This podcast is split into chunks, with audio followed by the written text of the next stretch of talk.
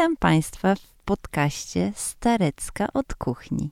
Audycji, w której podróżujemy za sprawą jedzenia po całym świecie, nie ruszając się z własnej kuchni. Byliśmy w Azji, rozejrzeliśmy się po Japonii, Wietnamie, Korei, ale chyba dosyć już tego. Czas zmierzać w stronę słońca i takiej właśnie Hiszpanii, bardzo słonecznego miejsca na Ziemi, y, z równie słoneczną kuchnią, nad którą unosi się wielki ziemniak. Naszym przewodnikiem po kuchni hiszpańskiej, którą możemy sobie odtworzyć w domu, będzie Michał Korkosz, znany Państwu na pewno jako rozkoszny. Cześć Michał. Dzień dobry, choć powinienem chyba powiedzieć Ola. Ola Chica. Ola Chica, oczywiście. Autor przebojowych książek, i wielu przepisów, które rozniosły się z impetem po internecie. Y, między innymi ostatniej książki, która też cały czas utrzymuje się na szczycie list przebojów, y, książek kulinarnych, nowe, rozkoszne polskie przepisy, które ekscytują. A które hiszpańskie y, przepisy ciebie ekscytują i czy jakieś smaki, jakieś cytaty z kuchni hiszpańskiej możemy odnaleźć w twojej nowej książce? Absolutnie tak. I powiedziałbym, że nawet jeden hiszpański przepis e, zrewolucjonizował moją karierę e, i jest naj, moim najpopularniejszym przepisem. Stworzyłem ten przepis, jak mieszkałem moment przez, w Hiszpanii.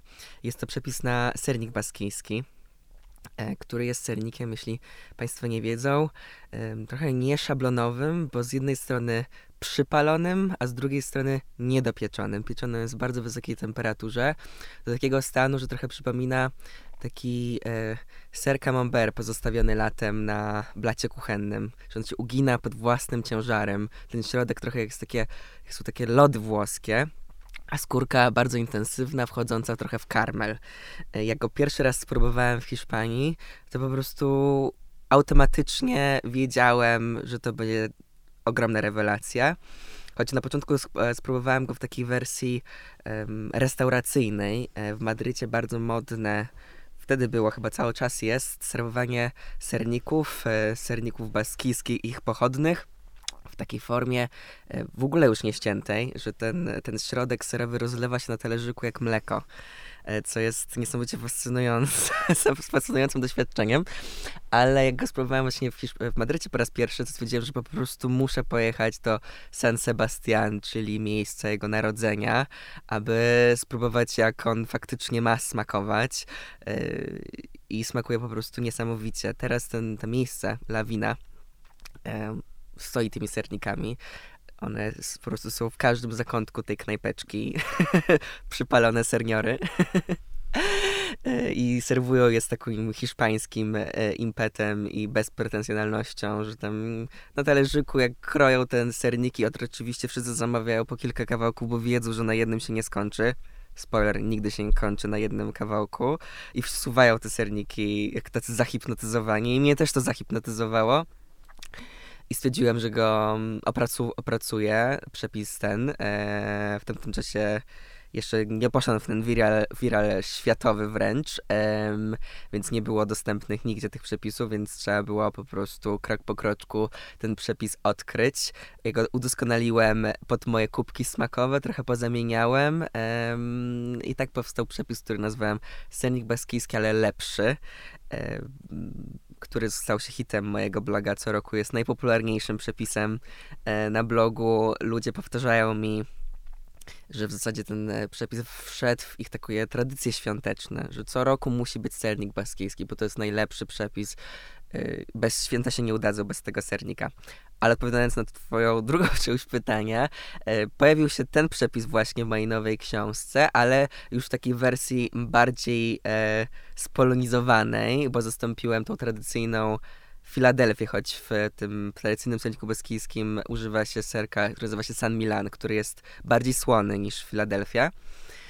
Zastąpiłem go twarogiem i podałem go z sosem pralinowym który trochę mi tak przypomina smakowo torcik orzechowy u babci. E, więc ta konsystencja tak hipnotyzująca została, ale nadałem mu bardziej polski smak. Właśnie, bo my tutaj y, razem z Państwem podążamy tropem różnych składników, które należy się zaopatrzyć, żeby sobie daną kuchnię świata móc odtwarzać w domu. Czyli rozumiem, że polski twaróg odnalazłby się w kuchni hiszpańskiej, skoro przeszedł takie udane testy w serniku. I ten sernik smakuje właśnie trochę taką polską kuchnią babci, jak rozumiem. Nie miałam okazji jeszcze próbować tego z nowego. Jeszcze, mam nadzieję. Mam nadzieję, że cię nakarmię. Ten tradycyjny sernik, ten, ten sernik, który robi się w Hiszpanii, nie robi się go na tworogu. To jest składnik, którego nie możesz dostać w Hiszpanii. Dlatego jak tam mieszkałem i pracowałem nad przepisem, to w ogóle nie była opcji, żeby zrobić go, nawet spróbować zrobić go w wersji e, twarogowej. I mi brakowało tego, tej kwasowości, której często brakuje w sernikach e, nie wywodzących się z Polski. Mm, I dodałem do niego po prostu um, jogurtu greckiego, który odsączyłem. Zrobiłem z niego trochę takie labne, żeby po prostu gdzieś ten, ta nutka kwasowości była. Mam jakąś inną anegdotkę co do twarogu, bo to był składnik, którego bardzo mi brakowało w Madrycie um, i byłem dużo w stanie poświęcić, żeby go zdobyć, co nie było proste ale y, po prostu już w Polsce, y, teraz jak już znowu mieszkam w Polsce, chciałem dać mu tą polską duszę i zrobiłem go na tworogu i smakuje zupełnie inaczej, tylko konsystencja jest y, ta sama, mm, która jest charakterystyczna. Dalej płynie. Dalej ale, płynie. ale rozumiem, że trzymasz go jednak w jakichś ryzach, bo on się tak nie rozpływa po talerzu, jak y, ten sernik, o którym opowiadasz w San Sebastian.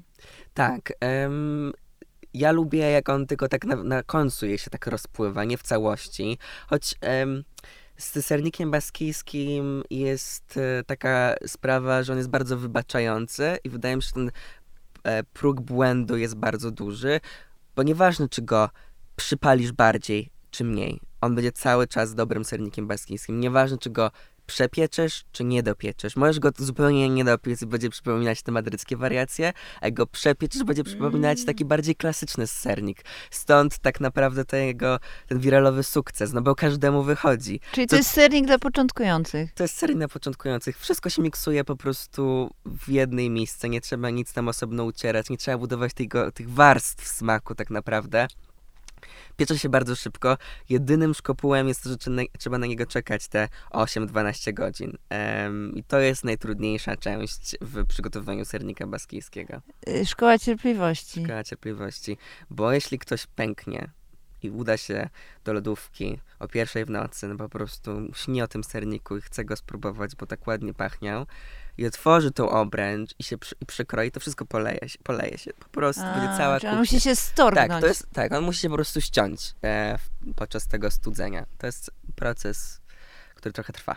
No dobrze, to słuchaj, trzymając się zasady y, tutaj już nowej tradycji podcastowej, Chciałabym Cię poprosić o listę pozostałych czterech składników, bo mm, od tego zaczynamy wszystkie rozmowy, które gwarantują nam małą Hiszpanię w naszej mhm. y, polskiej kuchni. Y, okazuje się, że twaróg jak najbardziej y, i do leniwych się przyda, i do hiszpanizowania sernika. A, a co z resztą? O, w jakie cztery składniki jeszcze by na, byś nas wyposażył? absolutnie e, składnik, który już, o którym już powiedziałaś, czyli ziemnior, tak. którym, który jest w sumie takim wspólnym mianownikiem Polski i Hiszpanii. Muszę ci powiedzieć, że jak tam się przeprowadziłem, to ja miałem tylko, kurczę, to tak się wcale bardzo nie różni od tego, co my tutaj jemy, tylko jest inaczej przyprawione tak naprawdę. E, operujemy na podobnych składnikach. Dalej oliwa, e, absolutny must. Wędzona papryka, to jest dla mnie ten taki magnetyczny smak kuchni hiszpańskiej. I co jeszcze? Co jeszcze, co jeszcze? Pewnie bym powiedział, że dla mnie um, ośmiornica, jednak ten, mm. ta ośmiornica po galicyjsku. po galicyjsku to jest moje ulubione hiszpańskie danie, um, dla którego ja po prostu robię wyjątek z tą ośmiornicą, to jestem tej Hiszpanii, e, ale jest to taka ta, ta pulpa de lega jest takim w sumie taką, taką definicją tej kuchni hiszpańskiej, że ona jest tak niesamowicie prosta, bo to są tylko gotowane ziemniaki, a w ogóle to są wszystkie te składniki, o których powiedzieliśmy. Tak. tak, gotowane plastry ziemniaków ciepłe, pokrojona e, ośmiornica też gotowana, na to oliwa, wędzona papryka i sól i nic więcej. I to jest tak fenomenalne połączenie. No i gliniane naczynko musi być. Gliniane naczynko, choć nie, nie zawsze. Drywienko może być też. Ja właśnie to jest ta kwestia, że ci Hiszpanie są tacy niepretensjonalni w tym wszystkim. Chyba najlepszą, e, najlepsze pulpo galega jadłem takim Mercado w Madrycie, które w e, niedzielę zamienia się po prostu w taką mm, taki punkt gastronomiczny, że te e, punkty, które sprzedają przed owoce morza, nagle serwują te owoce morza e, po prostu Hiszpanom. I tam jadłem to pulpo de galega po prostu jedząc w jakimś plastiku, mm. takim nawet nierówno, nierówno obdartym i to po prostu smakowało po prostu magicznie. świeżość czuć było po prostu w każdym kęsie i, i ta energia hiszpańska, którą nosiła się, ten gwar, te rozmowy. Życie jak w Madrycie. Życie jak w Madrycie, właśnie. Ale e, o kuchni hiszpańskiej mówi się i myślę, że e, zasadnie, że jest to kuchnia produktu. I na tym rzeczywiście może polegać trudność, że w sumie tak mało jej, chociażby w Polsce, e, mało jest restauracji hiszpańskich, bo rzeczywiście może być bezpretensjonalna, może być oparta na zaledwie paru składnikach, no ale one muszą być jakieś. Czy to nie jest przeszkoda, żeby sobie tą kuchnię hiszpańską robić w domu? Jak to widzisz? Tak, bo z jednej strony te klasyki, które z powodzeniem, z dobrymi produktami możemy odtwarzać w Polsce, czyli na bazie tych ziemniaków, patatas bravas, które w sumie są dość popularne w Polsce, czy tortilla de patatas, czy croquetas. Um, one wydaje mi się, że nie są aż takie imponujące na pierwszy rzut oka. One muszą tworzyć jakąś część, część jakiejś historii, jakąś mozaikę na talerzu, prawda, na, nas na stole.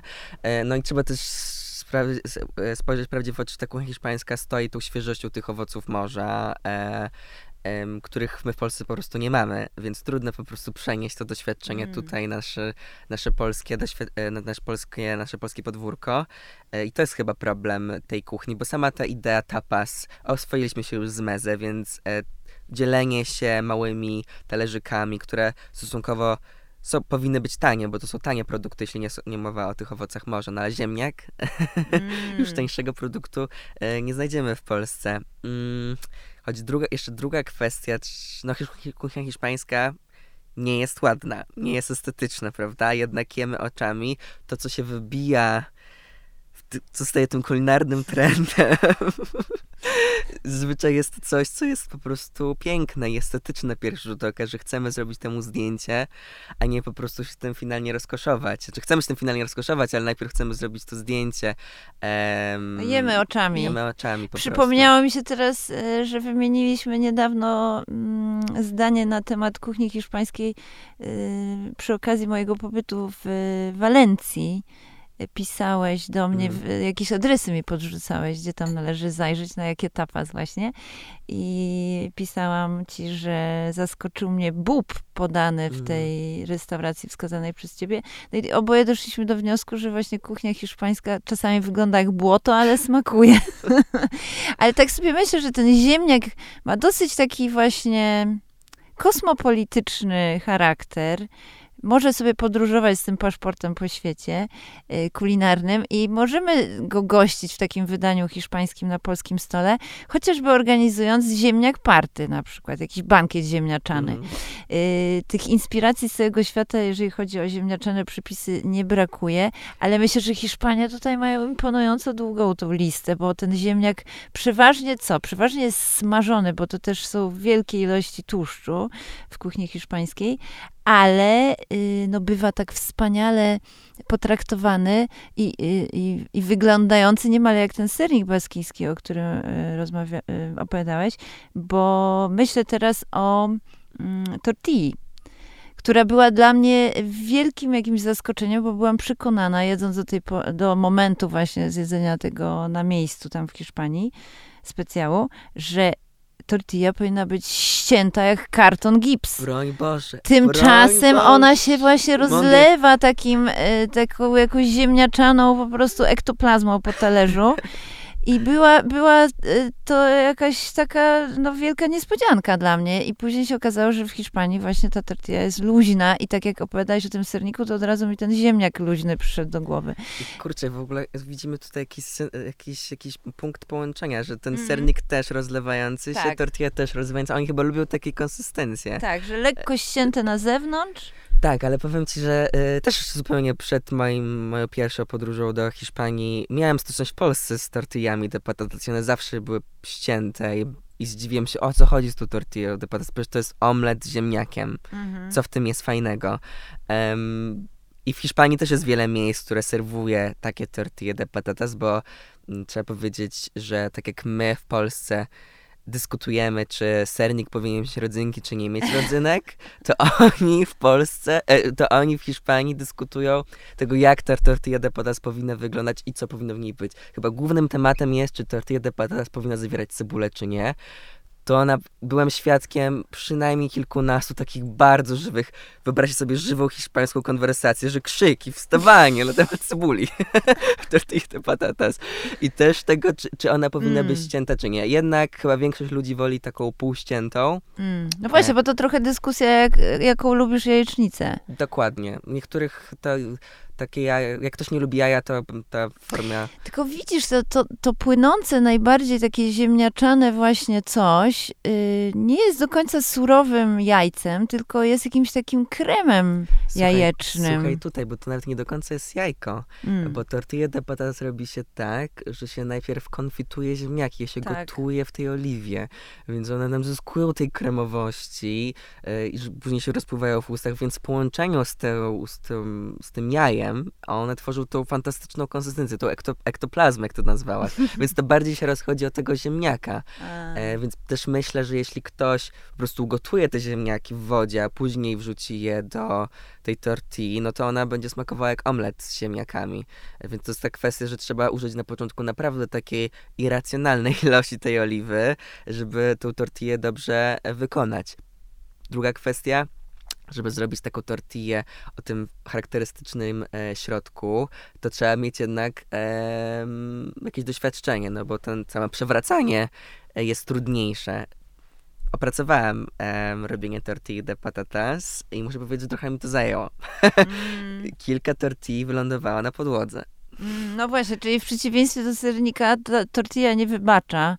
Jest dosyć zaawansowanym przepisem. Ja też mam doświadczenie przygotowania jej w domu i wiem na pewno jedno. Trzeba mieć dobry wyciąg. Ponieważ y, zapach y, po smażeniu, po konfitowaniu tego wszystkiego. A ja y, lubię tam pachnieć jak oliwny ziemniaczek.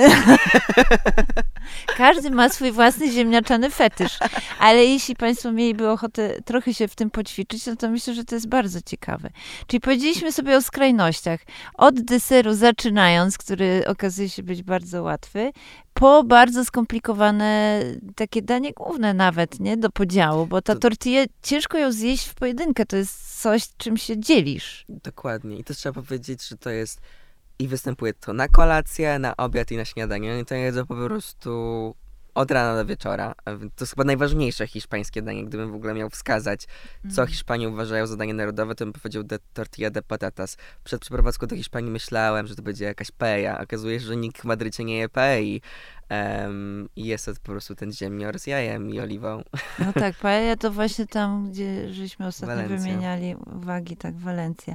No właśnie, bo też y, to ciekawe jest w kuchni hiszpańskiej ta jej regionalizacja. Każdy z zakątków Hiszpanii ma jakieś swoje specjały. Ja też z wielkim wzruszeniem wspominam Galicję, która jest jakimś jednym wielkim portem i można nurkować i poczuć się niemal syreną w tej kuchni, ponieważ tam y, człowiek się nie rusza bez otoczenia muszli. Wszędzie jakaś muszla czai się w tym menu. Świętego Jakuba. No i ta przywodnia, która e, wsławiła w ogóle ten region e, na pewno, nie tylko pod wz- e, względem kulinarnym, ale rzeczywiście ta świeżość, obfitość owoców morza to jest coś niezwykłego, no trudniej już dostępna, e, tak jak mówiłeś, w Polsce. Ale myślę, że też kuchnia hiszpańska, oprócz tego, że słynie z znakomitych mięs, z wołowiny, to ma dosyć dużo do zaoferowania, jeżeli chodzi o wegetariańskie przepisy. O tym jest twoja najnowsza książka. Y, Rośliny plus nabiał, w skrócie. Ale myślę teraz o papryczkach pimientos de Mm. padron, y, o, no tutaj będziemy mieć anchois, ale to też do odtworzenia y, w Polsce. Te słynne wykołaczki z anchois, oliwką i y, fasolką? Fasolka. Gilda? Ginta. te Mm. przekąski takie właśnie z, z, z Hiszpanii. Więc rzeczywiście tam trochę tych roślin na stole mamy. Ale gdybyś miał wskazać regiony tobie najbliższe w samej kuchni hiszpańskiej, to co by to było? Kurczę, muszę najpierw e, dodać coś do tego, co powiedziałaś, No. do tej wegetariańskiej, roślinnej części kuchni hiszpańskiej, bo ja się trochę nie zgadzam. Że jednak, e, jak tam mieszkałem, mi było ciężko. I, i, a, inaczej, ja tam w ogóle przyjechałem jako wegetarianin, a wyjechałem jako niewegetarianin, bo się po prostu nie dało. Mhm. e, że z jednej strony jak idziesz do tej knajpy, to zwyczaj w knajpie jedyną opcją wegetariańską była tortilla de patatas i może papryczki padron. Mm. I nic więcej. A, i- a ile można, prawda? Tak. Nie mają rozbudowanej takiej kultury em, wegetariańskiej knajp, albo w ogóle wege opcji. Em, nie, mowa, nie mowa już nie, tylko o tradycyjnych miejscach, tylko w jakichkolwiek miejscach. Nie ma tego, co się dzieje tutaj w Warszawie czy w Polsce. A z drugiej strony, no ta silna potrzeba celebrowania i wychodzenia i jedzenia, bo to jest najpiękniejsza część w ogóle Hiszpanii, no alienowałaby mnie, gdybym po prostu Mm. mówił, że nie no, to ja tylko zjem sobie tą po- kawałek tej tortilli de patatasa, a wy jedzcie wszystko inne, prawda? I szarpałeś te inteligentne ośmiornice, rozumiem. Tak, no i tu zacząłem czerpać te... Poławiać. te a później jak wróciłem, oglądałem ten dokument na Netflixie, No o którym chyba mam, który mam na myśli, Tak. który wygrał Oscara najlepszy dokument i po prostu myślałem o tych wszystkich Ile masz ich na sumieniu? ile mam ich na sumieniu. Więc wolę już o tym nie myśleć, e, ale no myślę, że nie jest to dość proste i też no nawet mam, przyniosłem tu ze sobą książkę, którą e, e, zakupiłem tuż przed moim, moją przeprowadzką do Hiszpanii. Um, The Foods of Spain, Claudii Roden, bardzo znamienitej autorki wielu książek kucharskich. Brytyjki, em, ale o rodowodzie też hiszpańskim. Mhm. No jak się wertuje tą książką, no tam nie masz zbyt wielu Wege opcji. wege opcje, jeśli są takie, to takie dość ciężkia, ciężkawe. Mm. Em, I to też jest ciekawe co do innej rzeczy, którą poruszyłaś, e, ta regionalizacja, że każdy region jest zupełnie inny. Ta książka podzielona jest na A regiony. widzisz. Em, Widzę, mapa jest na początku. Bo Hiszpania zrobiła po tej swojej przemianie ustrojowej, e, tuż po niej, em, ktoś bardzo mądry wpadł na pomysł, żeby stworzyć taką ekipę, e, która będzie chodziła po tych wszystkich wioskach, po wszystkich regionach Hiszpanii i spisywała wszystkie tradycyjne przepisy. Więc one nie zaginęły, one cały czas są Mm. żywe. Ktoś po prostu mm, no, żeby one były żywe e, i dalej one są przetwarzane. Teraz w Polsce też się to dzieje, ale dopiero teraz, prawda? Kiedyś kiedyś e, po prostu ta kuchnia miała być taka jednolita bardzo. No to też raczej są u nas inicjatywy oddolne, jakieś takie, Mhm. wiesz, po prostu wynik pasji. No, Od razu przychodzi mi do głowy y, pewnie znany ci y, Paweł Ochman, czyli y, Mhm. bloger Veganon, który w tych kuchniach regionalnych y, Polski się specjalizuje i z takim zacięciem kronikarskim Mhm. wszystko spisuje. Jeździ po konkursach y, kół gospodyń wiejskich. Y, Ale do, do tych regionów jeszcze bym zajrzała w, kontekście kulinarnym, bo mieszkałeś w Madrycie. Racja, ja też zawsze jestem w Hiszpanii przylotem, nigdy nie miałam okazji Mhm. pobyć w niej tak długo. Myślę, że ziemniak na dłuższą metę smażony może być ciężko strawny. Y, I y, właśnie, te regiony. Powiedz, mój drogi, kraj Basków. y, Za sprawą sernika lądujesz właśnie w tym y, miejscu. Wspomniałeś, że jest to San Sebastian. Miasto szalenie eleganckie. Pamiętam jakieś y, lekkie zagubienie właśnie i przytłoczenie tą elegancją i, i takie wrażenie. Blis, blisko Francji. Tak, ta Francja Francja elegancja. Francja elegancja. Czułam się podobnie w Wiedniu, pamiętam kiedyś, że y, miałam y, dosyć serdecznie tych wszystkich pałaców i, Mhm. i tego dobrobytu. Dziecko z Polski. Z, z tęsknotą za brudem, jakimś, jakąś rysą na tym pięknym obrazie. Y, San Sebastian, który w ogóle jest y, fenomenem, jeżeli chodzi o Hiszpanię i ilość nagromadzonych restauracji michelinowskich. Tam Mhm. na kilometr kwadratowy to jest jakaś największa liczba właśnie w Europie. Y, I w ogóle rodowód, jakby mówi się dużo o tym, że kuchnia hiszpańska, na pewno ta baskijska, dużo zawdzięcza właśnie San Sebastian, ponieważ było to miejsce przez lata, no nie bez powodu jest takim eleganckim wciąż, wakacjowania, y, spędzania urlopów i lata y, arystokracji, mhm. która bardzo często tam na miejsce przyjeżdżała ze swoimi własnymi francuskimi kucharzami i na Ulala. No właśnie, i tutaj na tym polu dochodziło do różnej wymiany kulinarnej.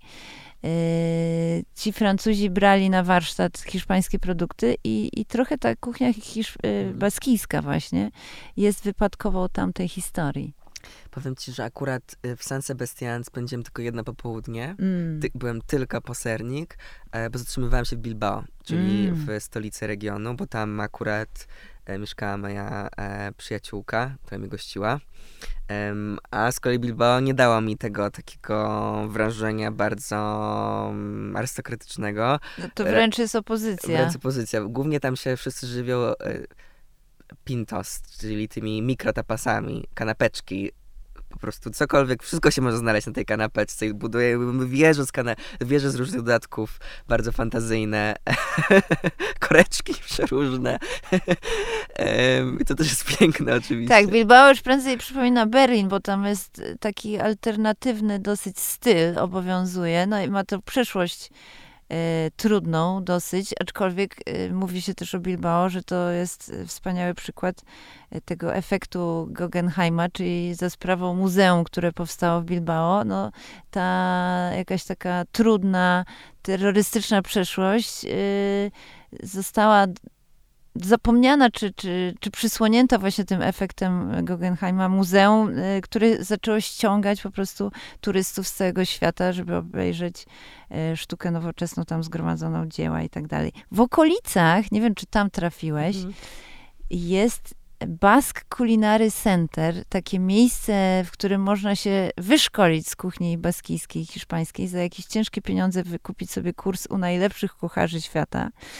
Y, I miejsce też wyróżniające się mm, architekturą. Mm. Pamiętam, że przypomina ten budynek z jednej strony dziurawy ser, a z drugiej, no taki szwajcarski właśnie, kawałek sera, a z drugiej stos talerzy, bardzo nowoczesna bryła. Miałam okazję y, zwiedzać właśnie tą szkołę, no imponująca rzecz. Szkoły nie zwiedzałem, ale zwiedzałem umysły podopiecznych, bo miałem trójkę znajomych w Madrycie, którzy skończyli tę szkołę i opowiadali przeróżne e, doświadczenia mniej lub bardziej pozytywne Aha. E, z tej, z tej szkoły. No to powiedzmy od razu Państwu, czy warto się tam wybrać, żeby na przykład się tam poduczyć? No, z jednej strony słyszałem takie opinie, że to po prostu jest taka komercyjna historia, że tylko właśnie bogate osoby, które spełniają swoje jakieś fantazje, nie mm. później, żeby pracować, ale z, z drugiej strony słyszałem historię, że niesamowicie, e, niesamowita wiedza od tych e, wszystkich nauczycieli, że takie bycie w tym świetle tych, tych osób, które wykładają jest wspaniałe, więc nie mam, nie mam jednoznacznej odpowiedzi e, na to pytanie. Nie wiem, czy to, że spędziłeś rok w Madrycie jest jakimś takim popularnym faktem swojego życiorysu, bo y, jesteś znany ze swoich y, wiralowych y, przypisów. E, wiadomo też, wydaje mi się powszechnie, że odkryła cię Ameryka i Michał najpierw zrobił karierę w Stanach Zjednoczonych, a dopiero później jego książki zostały drukowane w Polsce. Jak to się stało, że e, wylądowałeś w Madrycie? Czy to był jakiś taki kierunek e, ci bliski i upatrzony od dawna, że chciałeś tam, jak rozumiem, studiować? Czy ten walor kulinarny odegrał przy tym wyborze jakiś, jakąś rolę? To jest bardzo ciekawe. Bo w ogóle miałem taką potrzebę wyprowadzki z Polski z tego względu, że właśnie skończyłem pisać książkę o kuchni polskiej. Potrzebowałem jakiejś takiej świeżości, bo jadłem tylko pierogi e, i tylko że te polskie rzeczy brałem na ruszt. E, I nadarzyła się taka okazja, to właśnie też było, żeby studiować, to była wymiana. Mm. ale ja nigdy wcześniej nie byłem w Hiszpanii Nie miałem zbyt dużo styczności z kulturą hiszpańską, więc to był taki skok na głęboką wodę. Zależało mi po prostu, żeby żyć w bardzo dużym mieście, bo ja jestem miejskim szczurem i lubię ten, ten zgiełk tego, co oferuje e, duże miasto. I zależało mi na tym, żeby studiować po angielsku, e, a nie w języku danego kraju, co było dość trudne, bo zwyczaj wszystkie uniwersytety zapraszały nas, żeby studiować w ich lokalnym języku, akurat ten madrycki uniwersytet też miał kursy po angielsku. Tutaj muszę powiedzieć, że nigdy hiszpańskiego nie nauczyłem, co też, jest, co też było dużym problemem w zaznawaniu tej Hiszpanii, bo jednak Hiszpania ciężko z tym angielskim. No właśnie, więc tak. trzeba w określonych środowiskach się obracać, żeby e, się odnaleźć, nawet w takich, duży, takim dużym mieście jak Madryt. E, ale był to dla mnie szok, szok kulturowy wręcz, e, bym powiedział. E, Przez pierwsze dwa tygodnie chciałem wracać do domu. Myślałem, że padnę. Biedny Michał. Em, to muszę powiedzieć, ja przez wiele lat mojego życia byłem bardzo francuskocentryczny e, i się w ogóle wychowałem e, na francuskich przepisach, jeździłem do Francji wielokrotnie. E, Wydaje mi się, że taka miłość moja do masła to chyba właśnie stąd. Ale poczekaj, skąd ta Francja się wzięła twoim życiorysie? Wiesz co, jako dziecko jeszcze byłem zapalonym historykiem i lubiłem czytać przeróżne fakty historyczne i miałem dwie obsesje. Jak byłem bardzo małym dzieckiem, to miałem obsesję na punkcie Egiptu, em, absolutną, a później miałem obsesję na punkcie Francji i kultury francuskiej w ogóle w całościowo, historii, muzyki, kuchni, wszystko po prostu, frankofil. Mhm. No, minęło mi z czasem oczywiście. Em, I nie chciałem studiować we Francji, no bo byłem już wielokrotnie. E, chciałem czegoś nowego. Mm, I po wylądowaniu w tym Madrycie okazało się, że to nie jest Paryż. Przecież jest to ładne miasto pod względem urbanistycznym, Ale jest, architektonicznym. wiesz, to był, ja tam wylądowałem tam na początku sierpnia. Jest takie powiedzenie e, po hiszpańsku, tłumacząc na polski, że w Madrycie jest 3 miesiące piekła i 9 miesięcy zimy. I te 3 miesiące piekła to właśnie wtedy. że Wakacje w Madrycie to jest najgorszy pomysł. Bo jest piekielnie gorąco, jest tłoczny, wszyscy są spoceni, e, jest taki chaos, dezorganizacja. Tak, tak czułem to na początku. Teraz tak, nieważne kiedy tam pojadę, tak nie myślę, bo już jednak znam te ulice, znam tych ludzi, znam te twarze, e, ale wtedy jakoś strasznie przytłoczyło mnie to miasto. Nie podobało mi się. Nie podobało mi się na samym początku, ale miasto tworzą ludzie, a oto najprościej w Hiszpanii. Nie ma takiego drugiego miejsca na ziemi jak Hiszpania, jeśli chodzi o poznawanie ludzi, poznawanie ludzi przynajmniej w Europie. Gdziekolwiek się człowiek pójdzie, tam leżą na ulicy potencjalne nowe znajomości. Wszyscy są niesamowicie otwarci, wszyscy chcą z tobą rozmawiać, opowiadać, więc ta siatka znajomych to po prostu mi rosła z dnia na dzień. Em, I oni mi po- pokazują, pokazywali to miasto od samego początku. Oni też są bardzo tacy nacjonalistycz, nacjonalistyczni, bym powiedział. No tak. E, więc oni chcieli po prostu, żebym pokochał ten Madryt i pokochał tą Hiszpanię, no i im się udało bardzo szybko. I- I bardzo szybko poczułem e, ten hiszpański styl życia, poczułem to słońce, poczułem to życie jak w Madrycie, to biesiadowanie, tą kulturę stołu, moje w ogóle nawyki mi się całkowicie pozmieniały i mam to tak do dzisiaj. Na przykład wcześniej e, byłem tak wychowany, że jadłem duże śniadanie, później obiad, jakąś leciutką kolację. Teraz jest po hiszpańsku do dzisiaj, że malutkie śniadanko, później lunch i jem dużą kolację. Nawet jem kolację po 22, tak jak jadłem wtedy w Madrycie. Na początku to było dla mnie nie do pomyślenia, bo tam dudniły mi w głowie te, te głosy dietetyków, że trzy godziny przed spaniem, kolacja, lekko na brzuszku, a później w Hiszpanii patata z brawa, wszystko smażone w tłuszczu. Ale to jest było takie piękne. No i kroketas. I kroketas. No to najlepszy właśnie do jakiegoś drinka, czy wina, czy piwka Do wieczorem. wermutu. Do... Mhm, No właśnie, bo kuchnia. Przejdźmy może do tego, czym popija się te ziemniaki, bo to też jest bardzo ciekawe. Y, Sporo tam takich produktów typowych dla kuchni Hiszpanii. Cydr też mi się przypomina, wermut. To, to jest cydr kalicyjski właśnie z północy. E, Ale nie jest w sumie aż taki popularny chyba w całej Hiszpanii, tak mi się wydaje. Mhm. Em, W Madrycie głównie wermut, em, no i oczywiście wino. Mm, Tych szczepów hiszpańskich jest, jest mnóstwo. Em, Ja w tamtym okresie, no też mój budżet nie był aż tak zaawansowany. Może ta hiszpańska kuchnia nie jest aż tak droga, ale e, jak się codziennie jada gdzieś, raczej operowałem na tych tańszych szczepach. Verdejo, Verderinho. Um, ale też muszę powiedzieć, że ja w ogóle odkryłem wino naturalne w Hiszpanii. E, jest takie wspaniałe miejsce w Madrycie, które nazywa się Bendito działa też w Mercado, w puszczonej hali. Znaczy, nie puszczonej, tylko takie w sumie zapyziałej troszeczkę.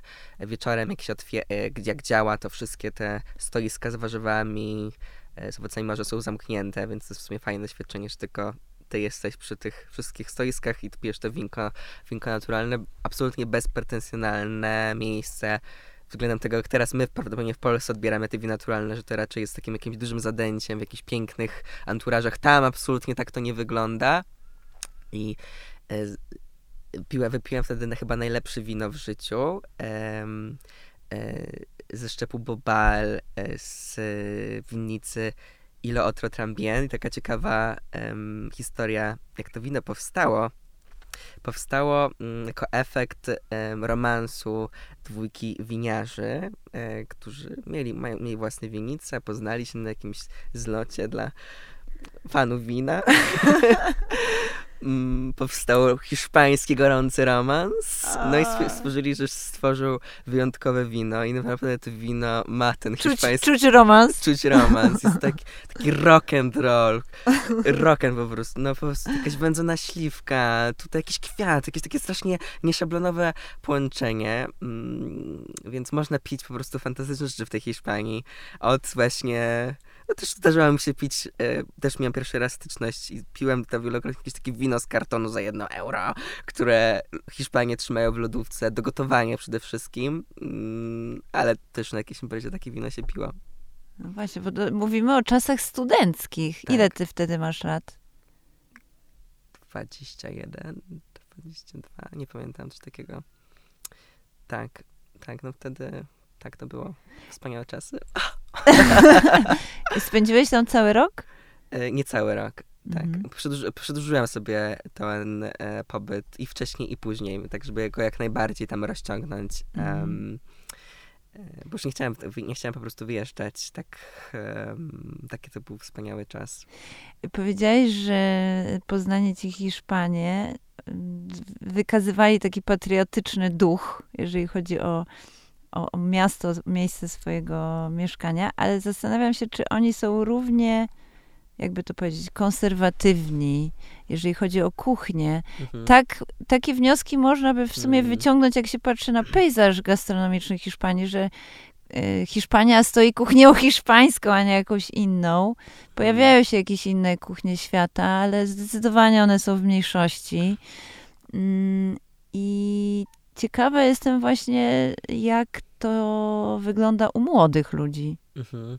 No to jest dość ciekawe pytanie, bo tak jak mówisz, z jednej strony głównie są to hiszpańskie knajpki, nie masz tak dużo tak zwanych kuchni świata.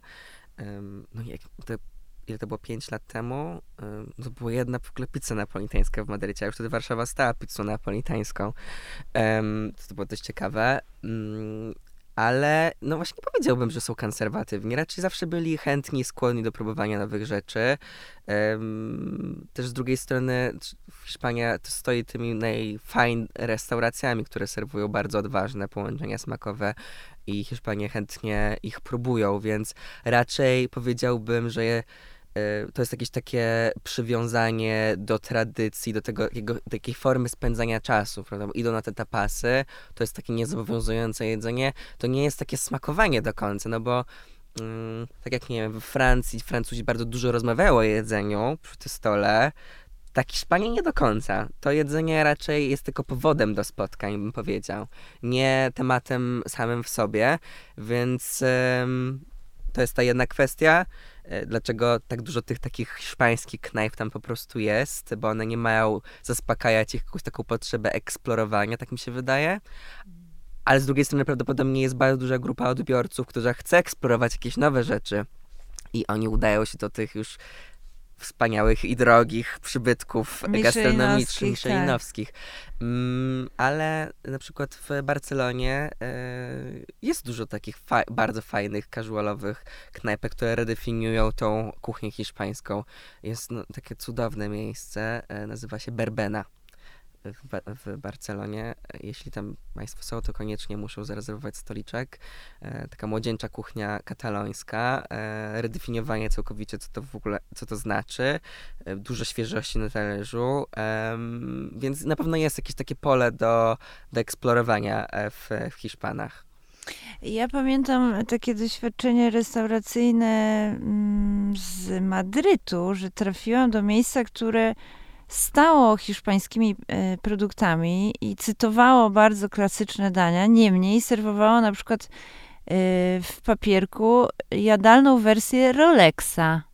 Wiem, że ty też byłeś w tym miejscu. To jest, właśnie to jest moje, do dziś to jest moja ulubiona restauracja na całym ja świecie. Ja też ją bardzo lubię. I, dodajmy, że mieści się ona w starej rzeźni i otworzyli już drugi lokal e, i nawet sklepik dla fanów. Chciałbym sobie czapeczkę kupić. A myślałam, że haki.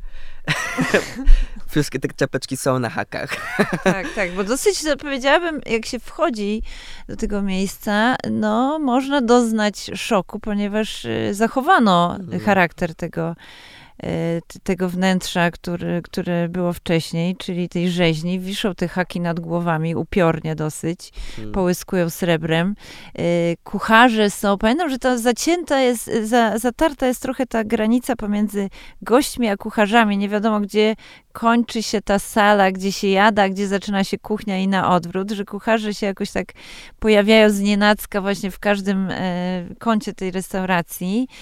Y, I też y, chodzą w, w takich fartuchach y, no, niekoniecznie kuchennych właśnie, z czym innym się Grubych takich właśnie. Kojarzących, tak. Jak się nazywa to miejsce, przypomnij? Sala de Piefe. Despiece to się pisze. Despiece. Despiece. No cudowne to jest miejsce, e, które jest taką, no powiedział, smakowo powiedział, no, fine diningowym miejscem, ale daje taką atmosferę tapas baru, tylko właśnie bardzo pięknego w jakimś nowym anturażu, y, gdzie, gdzie y, no, jakaś taka wspaniała jest atmosfera, która zachęca cię do y, wchodzenia w jakąś taką interakcję z tym jedzeniem, że rękami musisz zjeść, mm. tutaj wykańczane jest na twoich oczach taki element teatralności, pamiętam te sosy tworzą jakieś tęcze, tutaj palą coś też na twoich oczach, to jest wspaniałe doświadczenie, w ogóle w też dobrej cenie, trzeba to podkreślić. Właśnie i nie jest to to dalej. Nie jest to na. Teraz jak byłem w marcu, za każda moja wizyta w Madrycie musi kończyć kolacją w, w PFE, gdzie te ceny naprawdę wszędzie wzrosły. To kolacja degustacyjna e, kosztowała tam 35 euro. E, więc Hmm, dobra cena. Bardzo dobra, tak. Wiele rzeczy można spróbować, ale oczywiście też są dania à la carte, czyli te tapasy, tak, którymi można się dzielić z innymi. Ostatnio zjadłem smażonego e, karczocha z musem z awokado i pudrem z limonki. A ja pamiętam stamtąd właśnie wegetariańskie danie. Pieczone papryki, takie przypalone mocno, czerwone papryki, Y, które wydobyto z nich ten winny, taki e, mhm. wspaniały smak i one były potraktowane tylko miodem. Mm. I to mm. było przypyszne, to było pełne właśnie piątego smaku umami. Też ci powiem a propos tej takiej wspaniałej atmosfery, która tam się odbywa. Um, ludzie siedzą też przy wspólnym stole, e, tym kontuarze, prawda? E, więc jak to Hiszpanie mają w zwyczaju, wiele jest jakichś takich małych konwersacji między, między ludźmi. Byłem tam drugi raz z moją współlokatorką, która absolutnie nie jest smakoszką, e, ale nagle tego tej nocy stała się smakoszką przy tym jedzeniu. Taki on ma silny ładunek. I my się po prostu zachwycaliśmy tam każdym kęsem, po prostu te ciarki na naszych ciałach. E, I przed nami siedziała taka parka lat 50 i oni też byli też zafascynowani nami. Jak my kosztujemy to życie. E, Przeżywacie. Przeżywamy. No i zaczęli też, zaczęliśmy rozmawiać, oni opowiadają historię swojego życia, swojego romansu. E, nagle zaczynamy jeść razem, zaczynamy zamawiać razem kolejne pytania y, i się zakumplowaliśmy po prostu. No więc takie rzeczy się dzieją przy, tych, przy tym stole w Madrycie, cudowne. Klaruje nam się obraz dosyć takiej swobodnej atmosfery gastronomicznej i jakiejś tam nonszalancji kulinarnej. I mm. zastanawiam się, czy to nie jest klucz do tego, że że właśnie tak się czujesz w tych miejscach, że tam tak bardzo, no, mówimy teraz akurat o wybitnym miejscu, z wybitną kuchnią, ale zastanawiam się, czy to nie jest klucz właśnie do tej niezwykłej atmosfery w hiszpańskich restauracjach i barach, że mhm. tak bardzo nie przykłada się wagi do sposobu podania, Choć teraz z drugiej strony myślę, na pewno jest sporo tych takich restauracji z no wykrachmalonym no obrusem, właśnie. bo trzeba wiedzieć, to coś jest ciekawe, sam Madryt jest konserwatywnym miastem. Oni zwykle głosują na e, prezydenta, który, czy burmistrza, który jest z prawicy. E, ta siatka arystokratów i postarystokratów działających przy dworze królewskim też jest dość duża i wpływowa, e, więc to też można wyczuć trochę w tym mieście, e, pomimo tego, że też ludzie tam spływają z całej Hiszpanii z całego świata, co tworzy tu taką międzynarodową i luźną atmosferę. I na pewno można znaleźć te miejsca, w których człowiek się, bardzo łatwo znaleźć te miejsca, w których człowiek czuje się luźno i swobodnie i to jest ten chyba klucz do tego mm. sukcesu, mm. że to miasto po prostu oferuje tak wiele. A gdybyśmy mieli się tak głębiej zanurzyć w tym gorącym tłuszczu mm-hmm. i oprócz tego, że zorganizować sobie we własnym domu ziemniaczany bankiet, mm-hmm co jeszcze z kultury hiszpańskiej y, zarekomendowałbyś y, do spakowania do walizeczki? Jakie kino jest ci bliskie? Jaka muzyka? Mówiłeś o, o mhm. kulturze francuskiej, że ją tak mocno zeksplorowałeś. Podejrzewam, że przez ten czas pobytu w Hiszpanii mhm. również nieźle poznałeś w ogóle kulturę hiszpańską. Mhm. Czy jest coś, co zostało w twoim życiu tutaj, oprócz tego, że zmieni się rytm i wielkość posiłku? Mm, jak y, wynajmowałem mieszkanie y, przy placu Callao, to jest jeden z tych głównych placów w Madrycie, przy którym stoi y, najstarsze kino w Madrycie, e, kino Callao, tak się nazywa. Mm, I chodziłem na te, chodziłem na te seanse, pomimo tego, że ja ani tam mru po hiszpańsku. A były jakieś Nie, nie, abs nie, absolutnie nie. A, nie, obrazki Obrazki tylko. No bo moi znajomi chcieli chodzić, e, bo oni akurat trochę już tam, ci, którzy nie mówili po hiszpańsku, ale już czy, przyjeżdżali, przyjechali do Hiszpanii, to oni chcieli po prostu doświadczyć też właśnie tej kultury. No to chodziłem. I chyba najlepiej wspo e, wspominam premierę filmu e, Bully Brzask Almadowara. On właśnie wtedy miał swoją premierę. E, I nic nie rozumiałem z tego filmu, a po prostu tak go przeżywałem ogromnie. nie wiem, czy miałeś szansę oglądać. Chyba tak, już nie pamiętam. To zlewają mi się trochę ostatnie jego I, produkcje. I też się dzieje w tym filmie w Madrycie, choć w sumie jego wiele filmów dzieje się w Madrycie. E, o takim starszym panu. Już nie będę spoilerować. Proszę sobie oglądać.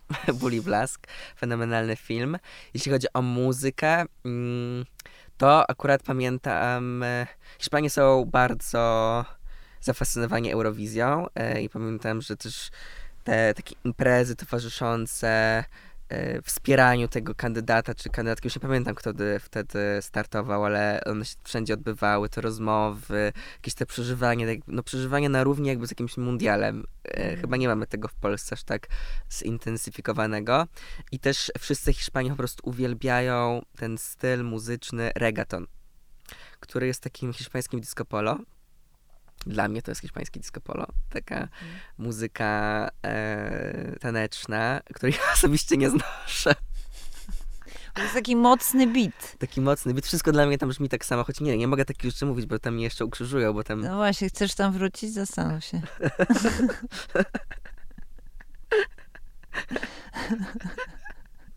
Jak to, słuchaj, ambasada Hiszpanii, nic takiego nie powiedziałem. Wiesz, no, Victoria Beckham ma takie doświadczenie na swoim koncie, jak przyniosła się tam za sprawą kariery swojego męża, y, to no, gdzieś udzieliła niefortunnej takiej wypowiedzi, to się rozniosło po hiszpańskich mediach, skrytykowała kuchnię hiszpańską, wyobraź sobie, hmm. i powiedziała, Y, właściwie powiedziała tylko to, że za dużo jest w niej czosnku i ona wszędzie ten czosnek czuje, e, jeżeli chodzi o Mm. doznania smakowe, zapachowe i niekoniecznie. I Hiszpanie się obrazili na Posh Spice. Więc uważaj, waż słowa. myślę, że reggaeton to bardziej jest w ich sercu. Naprawdę. Oj, wszędzie leci reggaeton. A co, co w związku z tym leci z twoich głośników, jak e, przygotowujesz sernik baskijski? Czy ty wchodzisz całkowicie w nastrój wtedy? Mm, powiem, że nie.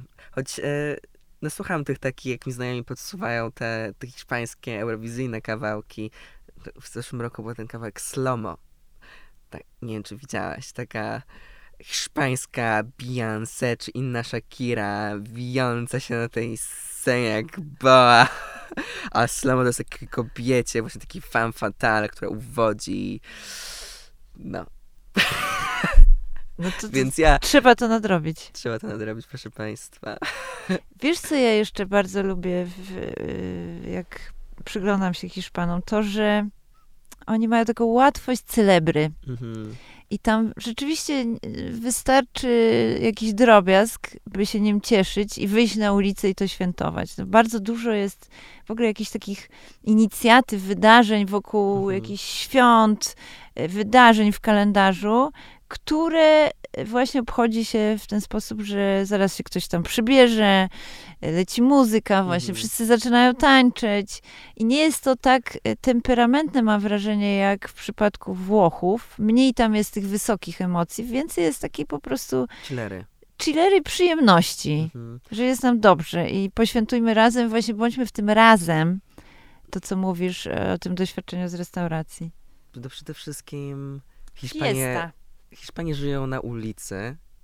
Jak odwiedzam kogokolwiek, to tych mieszkania to nie jest tak jak u Duńczycy, jakieś takie wypolerowane, designerskie. Raczej to tak no, prosto, prosto, bo oni nie spędzają czasu e, w domu, tylko na ulicy. Wydaje mi się, że to jest kwestia takiego celebrowania życia po prostu. Zawsze wychodzą na tu serwesy, czyli to piwko, jakieś jedzenie po pracy i celebrują, no wszystko powiedziałbym wręcz. Pogodę, o słońce wyszło, chodźmy, prawda? Pocieszmy się tym życiem. Em, dlatego to życie w, pod słońcem e, jest takie chyba wartościowe, no po prostu chce się tam żyć. E, I tak, i ta celebra nie ma wieku, bo to, co Mm. jest chyba takie bardzo ujmujące, to widok właśnie starszych osób, które równie czynnie, aktywnie uczestniczą w tym e, życiu kawiarnianym, restauracyjnym Hiszpanii. No tak, no to są piękne widoczki, takie ujmujące, że e, czterech dziadków przy stoliku tam grają w karty, pi- pijają piwko, e, albo jak właśnie na Callao mieszkałem pod Churreio, czyli miejscem z, z churrosami i czekoladą. Młodzi ludzie już nie, nie jedzą raczej, raczej churro, nie jedzą raczej churrosów na śniadanie z czekoladą, ale starsze osoby tak. A Więc ja, co tam już? Więc, więc ja wychodziłem rano, piłem kawkę i po prostu uwielbiałem oglądać tych takich starszych Hiszpanów Hiszpanki jedzących tych churros, nu- znurzających w tej gorącej czekoladzie o godzinie dziewiątej. Często tam się też leje piwko u państwa, babci i dziadków o poranku. Ja zawsze wtedy się zastanawiam nad fenomenem kuchni hiszpańskiej, bo wydawałoby się, że ona nie jest do końca zdrowa. No, jest, jest ten połów, są te ryby, Mm. owoce morza, ale sporo tej smażeniny. Jednak państwo, kontynuując tą tradycyjną dietę, dożywają pięknej, wspaniałej starości. No pewnie nie wszyscy, tak bardzo generalizując, ale to jest coś takiego, co też y, gdzieś powoduje refleksję o tym, jak ważne jest życie w komitywie, w jakimś towarzystwie, jak ważne są te Mhm. relacje, bo myślę, że to ma taki walor również zdrowotny i tego byśmy pewnie wszyscy sobie życzyli, takiej starości, jak to życie w Madrycie. Życie jak w Madrycie. Mm, tak, bycie, bycie wśród ludzi to chyba była najpiękniejsza część em, tego doświadczenia, ale wydaje mi się, że tutaj w Polsce ro- robi, zrobiliśmy duży progres, prawda? Tak. E, że duża część z nas e, lubi celebrować i widzimy to po ilości osób w knajpach dzień w dzień, od poniedziałku do niedzieli em, i gotujemy razem, więc wprowadzamy tą taką celebrę do naszego e, życia, tak mi się wydaje. Em, więc z roku na rok jest coraz lepiej, bym powiedział. Tylko gdybyśmy jeszcze mieli to słońce. Oj tak. Bo to naprawdę to słońce robi różnicę. A czy oni się rzeczywiście cieszą tym słońcem? Powiedziałeś coś takiego, że pocelebrujmy, wyszło słońce. Przecież to słońce wydawałoby się jest tam non-stop. Mm, to też zależy od regionu tak naprawdę. E, wbrew pozorom Madryt nie ma takiej wspaniałej pogody, e, bo jest to najwyżej położona stolica w Europie, więc latem jest piekielnie gorąco, więc słońce oczywiście jest non-stop, a zimą jest, no może nie ma takiej szarówy jak u nas, mm. ale bywa zimno, mocno zimno yy, i szara, szaro. Nie tak, że słońce jest 12 miesięcy cały czas na niebie. Ale pomimo tego, no na pewno jest to większa ilość dni, nawet jak jest taka szarowa, no to oni i tak pójdą do tej knajpeczki yy, i tylko będą w środku siedzieć, a nie na zewnątrz, no bo trzeba wiedzieć, że mamy styczeń, a Hiszpanie tak będą siedzieć na zewnątrz przy jakichś koksownikach e, bardzo często. Bo tam te ogródki, to one się nie zmywają na, tak jak u nas. Działają cały rok. Y, czy są jakieś takie smaki, których nie udało ci się odtworzyć w Polsce? No, pomijając hmm. ryby, owoce morza, z którymi rzeczywiście jest trudność taka, że są średnio dostępne. Powiem ci, że ja tak naprawdę wielu dań nawet nie starałem się odtwarzać, bo miałam wrażenie, że, że to doświadczenie bycia tam tworzyło też trochę całe doznanie. Um, no będzie nad większość z nich, tak jak wiesz, nawet jakieś patryczne, na przykład, no nie, albo dania, które na przykład odtworzyłem, odtwarzam w domu, ale zawsze z takim efektem mech, mm-hmm. są papryczki padron. Nie wiem, jak one mi w Polsce nie smakują, nie wiem jak to jest możliwe. One smakują tylko dobrze w Hiszpanii. Y, I, no bo możesz, możesz dostać dobre te papryczki w Polsce, ale... Tak, to nawet w supermarketach W supermarkecie, ale to mhm. jakoś brakuje tego tego sznytu hiszpańskiego. Że to musi być cały stół zastawiony tymi daniami. Musi być tortilla, kroketa z papryczki padron. Musi być to na, na, na, świeżym powietrzu najlepiej, albo w jakimś gwarnym miejscu. W domu to tak brakuje czegoś tam. Powiedziałbym. No może słoneczka. Może, może, może słoneczka. Plus yy, no te rzeczy raczej no w, no w 95 przypadkach jadłem w knajpach, w tawernach, e, no oprócz tortilla de patatas, którą też odtwarzałem u siebie w mieszkaniu, więc jakoś tak mocno jest dla mnie osadzone w, w tej gwarności restauracji i knajp, tak mi się wydaje. Mm. Jeszcze jestem, wiesz, czego ciekawa, jak wyglądał twój dzień, bo mm. miałeś szansę tam żyć y, takim madryckim życiem, właśnie studiowałeś, ale y, oprócz tego, że te wielkości porcji się różniły, mm. śniadanie, obiad, kolację, to jak ten rytm dnia wyglądał? No to jest tam różnie, jak to bywa w ciągu dnia. Um, o ironię musiałem wstawać dość wcześnie, bo będę miał uniwersytet, e, ale zawsze ja lubię stać jeszcze wcześniej, żeby mieć trochę czasu dla samego siebie, żeby nie być w takim biegu, żeby mógł sobie tam trochę więcej z tą kawką, z jakimś, jakąś grzanką, czy, czy czymkolwiek innym. Czasami nic nie jadłem, e, tylko żeby złapać coś w drodze, żeby wejść do tej churii. No wiadomo, jak się, no niby się tam mieszka, ale ma się w sobie taki pierwiastek turysty, że to zaraz się trochę skończy, tak? No bo wiedziałem, że to jest terminowe, więc chciałem wchodzić w trochę w taką hiszpańskość, więc nie, niejednokrotnie jadłem te churrosy z tymi starcami. więc nigdy, nigdy nie było nikogo młodego, tylko ja. E, później dość jakiś lekki lunch, bym powiedział, o, po jakichś, czy to spotkaniach, czy pracy w kawiarni, e, bo też to jest ciekawe, w Polsce teraz, czy w Polsce wcześniej, czy teraz pracuję głównie z domu, a tam miałem potrzebę e, wychodzenia. wychodzenia, czy pracowania w kawiarni, czy w jakiejś bibliotece, być, bycie, bycie wśród ludzi. Ale to też jest z takiego, że po prostu chcesz się trochę obserwować trochę, co się wokół ciebie dzieje. I plus jest taki dodatkowy walor, tam co chwilę ktoś do ciebie podchodzi i, i się ma jakoś takie mikro, e, albo nawet nie mikro, e, relacje i konwersacje. Um, więc cały czas ci towarzyszą ludzie. Um, z takich elementów, które bardzo często były odtwarzane, to coś, co kocham w Madrycie, to są zachody słońca. I tam jest wielu, wiele punktów widokowych, skąd te zachody słońca się ogląda. Od tych rooftop bars, które są wszędzie, plus po prostu punkty widokowe. Widokowe, na przykład najsłynniejszy z nich, czyli e, Siedem Cycków to są Siedem siedem cycków. cycków. To są takie, takie wzgórza, z których się ogląda zachody, zachody słońca. to jest twoja nazwa, czy Nie, nie, to jest po mieszkańcy Madrytu Nie, nie, po prostu tak przetłumaczyłem oficjalną nazwę z hiszpańskiego Aha. wzgórza siedmiu cycków, bo to są siedem wzgórzów, które wyglądają jak cycki. To tak e, przytulnie Przytul- powiedziała. Przytulnie. No, w, każdym, w każdym razie bardzo często, powiedziałbym tak, no minimum dwa, trzy razy w tygodniu chodziłem oglądać zachód słońca. Bo to było coś dla mnie takiego fenomenalnego. W Warszawie nie ma miejsc, w których się ogląda zachody słońca. A jakbyś wjechał na koniec swojego wieżowca, tam siadł na dachu, gdzie, ty tam No. pomieszkujesz, to byś pewnie dopatrzył się No, tego słoneczka. Nie, nie mam relacji z tym właścicielem tego, tego penthouse'u. Jeszcze.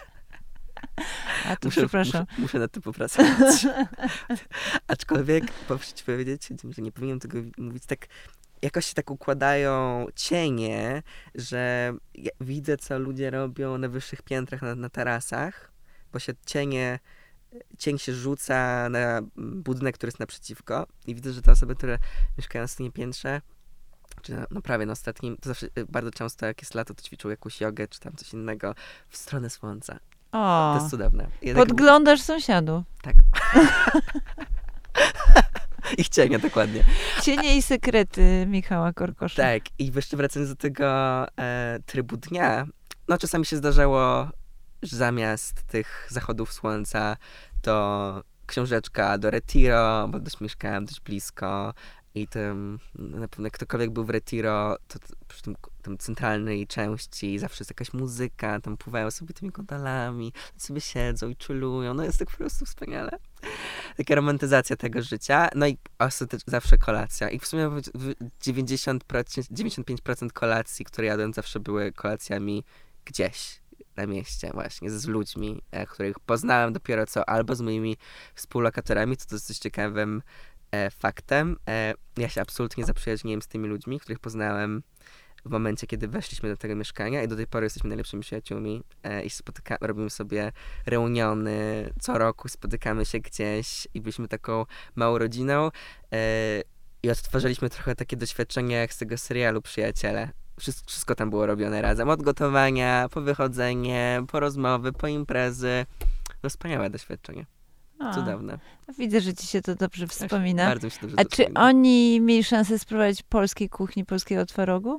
Tak, e, bo mm, podczas pracy nad moją pierwszą książką mm, weszł mi, wszedł mi w nawyk, e, wszedł mi nawyk robienie pierogów co tydzień, bo to był cały rozdział o pierogach w tamtej książce, wiele wariacji smakowych i bardzo to polubiłem wtedy. em, na tak, taki, taki cały proces robienia tego, że spotykasz się ja też z współlokatorami wtedy tutaj w Warszawie, albo z przyjaciółmi, którzy przychodzili, to robienie pierogów, rozmowy, takie trochę terapeut, e, terapeutyczne, e, wspaniale, wspaniałe i trochę mi brakowało tego e, w tym Madrycie, więc organizowałem dobre kilka razy pierogi party, e, gdzie robiliśmy pierogi. Na początku zrobiliśmy takie ten, to pierogi party tylko z jakimiś klasycznymi polskimi e, wariat- wypełnieniami smakowymi i wtedy pamiętam, no żeby dostać ten twaróg, którego nie naprawdę nie ma ani w takich dobrych delikatesach. Mieszkałem koło El Corte Inglés, to są takie dobre, drogie e, delikatesy w Hiszpanii, nie ma tam twarogu. Jedyną opcją, żeby dostać twaróg w Madrycie jest, e, są ukraińskie, rosyjskie albo ogólno z- wschodnioeuropejskie delikatesy. E, ale zazwyczaj to jest właśnie. No czasami się uda kupić jakiś e, polski twaróg, jakiś taki, jakiegoś koncernu, tu, który tutaj mamy w Polsce, ale nie zawsze. No ale to są jakieś takie okazje, gdzie trzeba pojechać naprawdę kawałek, żeby ten twaróg dostać, więc żeby zorganizować taką imprezę musiałem specjalnie jechać do, tego, do tych delikatesów, e, żeby, żeby, kupić, żeby kupić trochę białego sera, białego polskiego złota że później lepić. Zawsze byli zachwyceni. Ale później, na innych tych edycjach tych, tych imprez, e, już tak eksperymentowaliśmy. Była fuzja kultur. Bo nie trzymaliśmy się już tych tradycyjnie polskich em, farszów, tylko e, eksperymentowaliśmy. Były pierogi z ośmiornicą i wędzoną papryką i ziemniaczkiem. Były y, przeróżne inne wypełnienia, już nawet nie pamiętam, różne tam rzeczy powstawały. I to były różne ich interpretacje, nawet nie, że wychodzące z Hiszpanii, tylko jedna z moich przyjaciółek była francuską, ona też coś zaproponowała z takiego, o, u mnie w domu się coś tam robiło takiego i weźmy do tych pierogów, bo myślę, będzie pasowało. I takie rzeczy powstawało w tym mieszkanku na bazie polskich pierogów. Czyli do pieroga trafia cały świat, ale myślę, że to jest jakiś pomysł dla Państwa y, słuchających nas, żeby do tego pieroga zaprosić Hiszpanię i coś tam rzeczywiście upchnąć takiego z, z tej mm. kultury kulinarnej. Bo no, z ośmiornicą może być ciężko i pod względem etycznym i mhm. dostępnością, mm. ale... A może taką zrobić sobie tą tortillę de patatas, czyli będzie ziemniak, jaja. Takie ruskie, hiszpańskie. ruskie, hiszpańskie. Tylko trzeba, bo myślę, że mocno tam doprawić to, to pieprzem. Albo tą wędzoną papryką. Albo tą wędzoną papryką. To jest jakiś trop, tak. Michał. Czy to jest właśnie pomysł na kolejny wiralek? Poproszę o podziękowania. ale myślę, że, ale myślę, że to ma szansę zagrać. Wyobrażam sobie taki ruski pieróg, no właśnie, może być i twaróg, i, i ziemniak, i mhm. cebulka, ale z dodatkiem mm. wędzonej y, papryki. -hmm, Brzmi to dobrze. Ty zawsze jesteś szalenie szykownie ubrany, a że słuchamy się w podcaście Vogue, to y, o modę również hiszpańską chciałam cię mm, podpytać. Czy ty y, kupowałeś magazyn Y, Vogue hiszpański. Mi się zdarzało przywozić czasami z mhm. podróży edycję hiszpańską, ale czy zwracałeś uwagę na to, jak się państwo tam noszą i jakoś cię to inspirowało?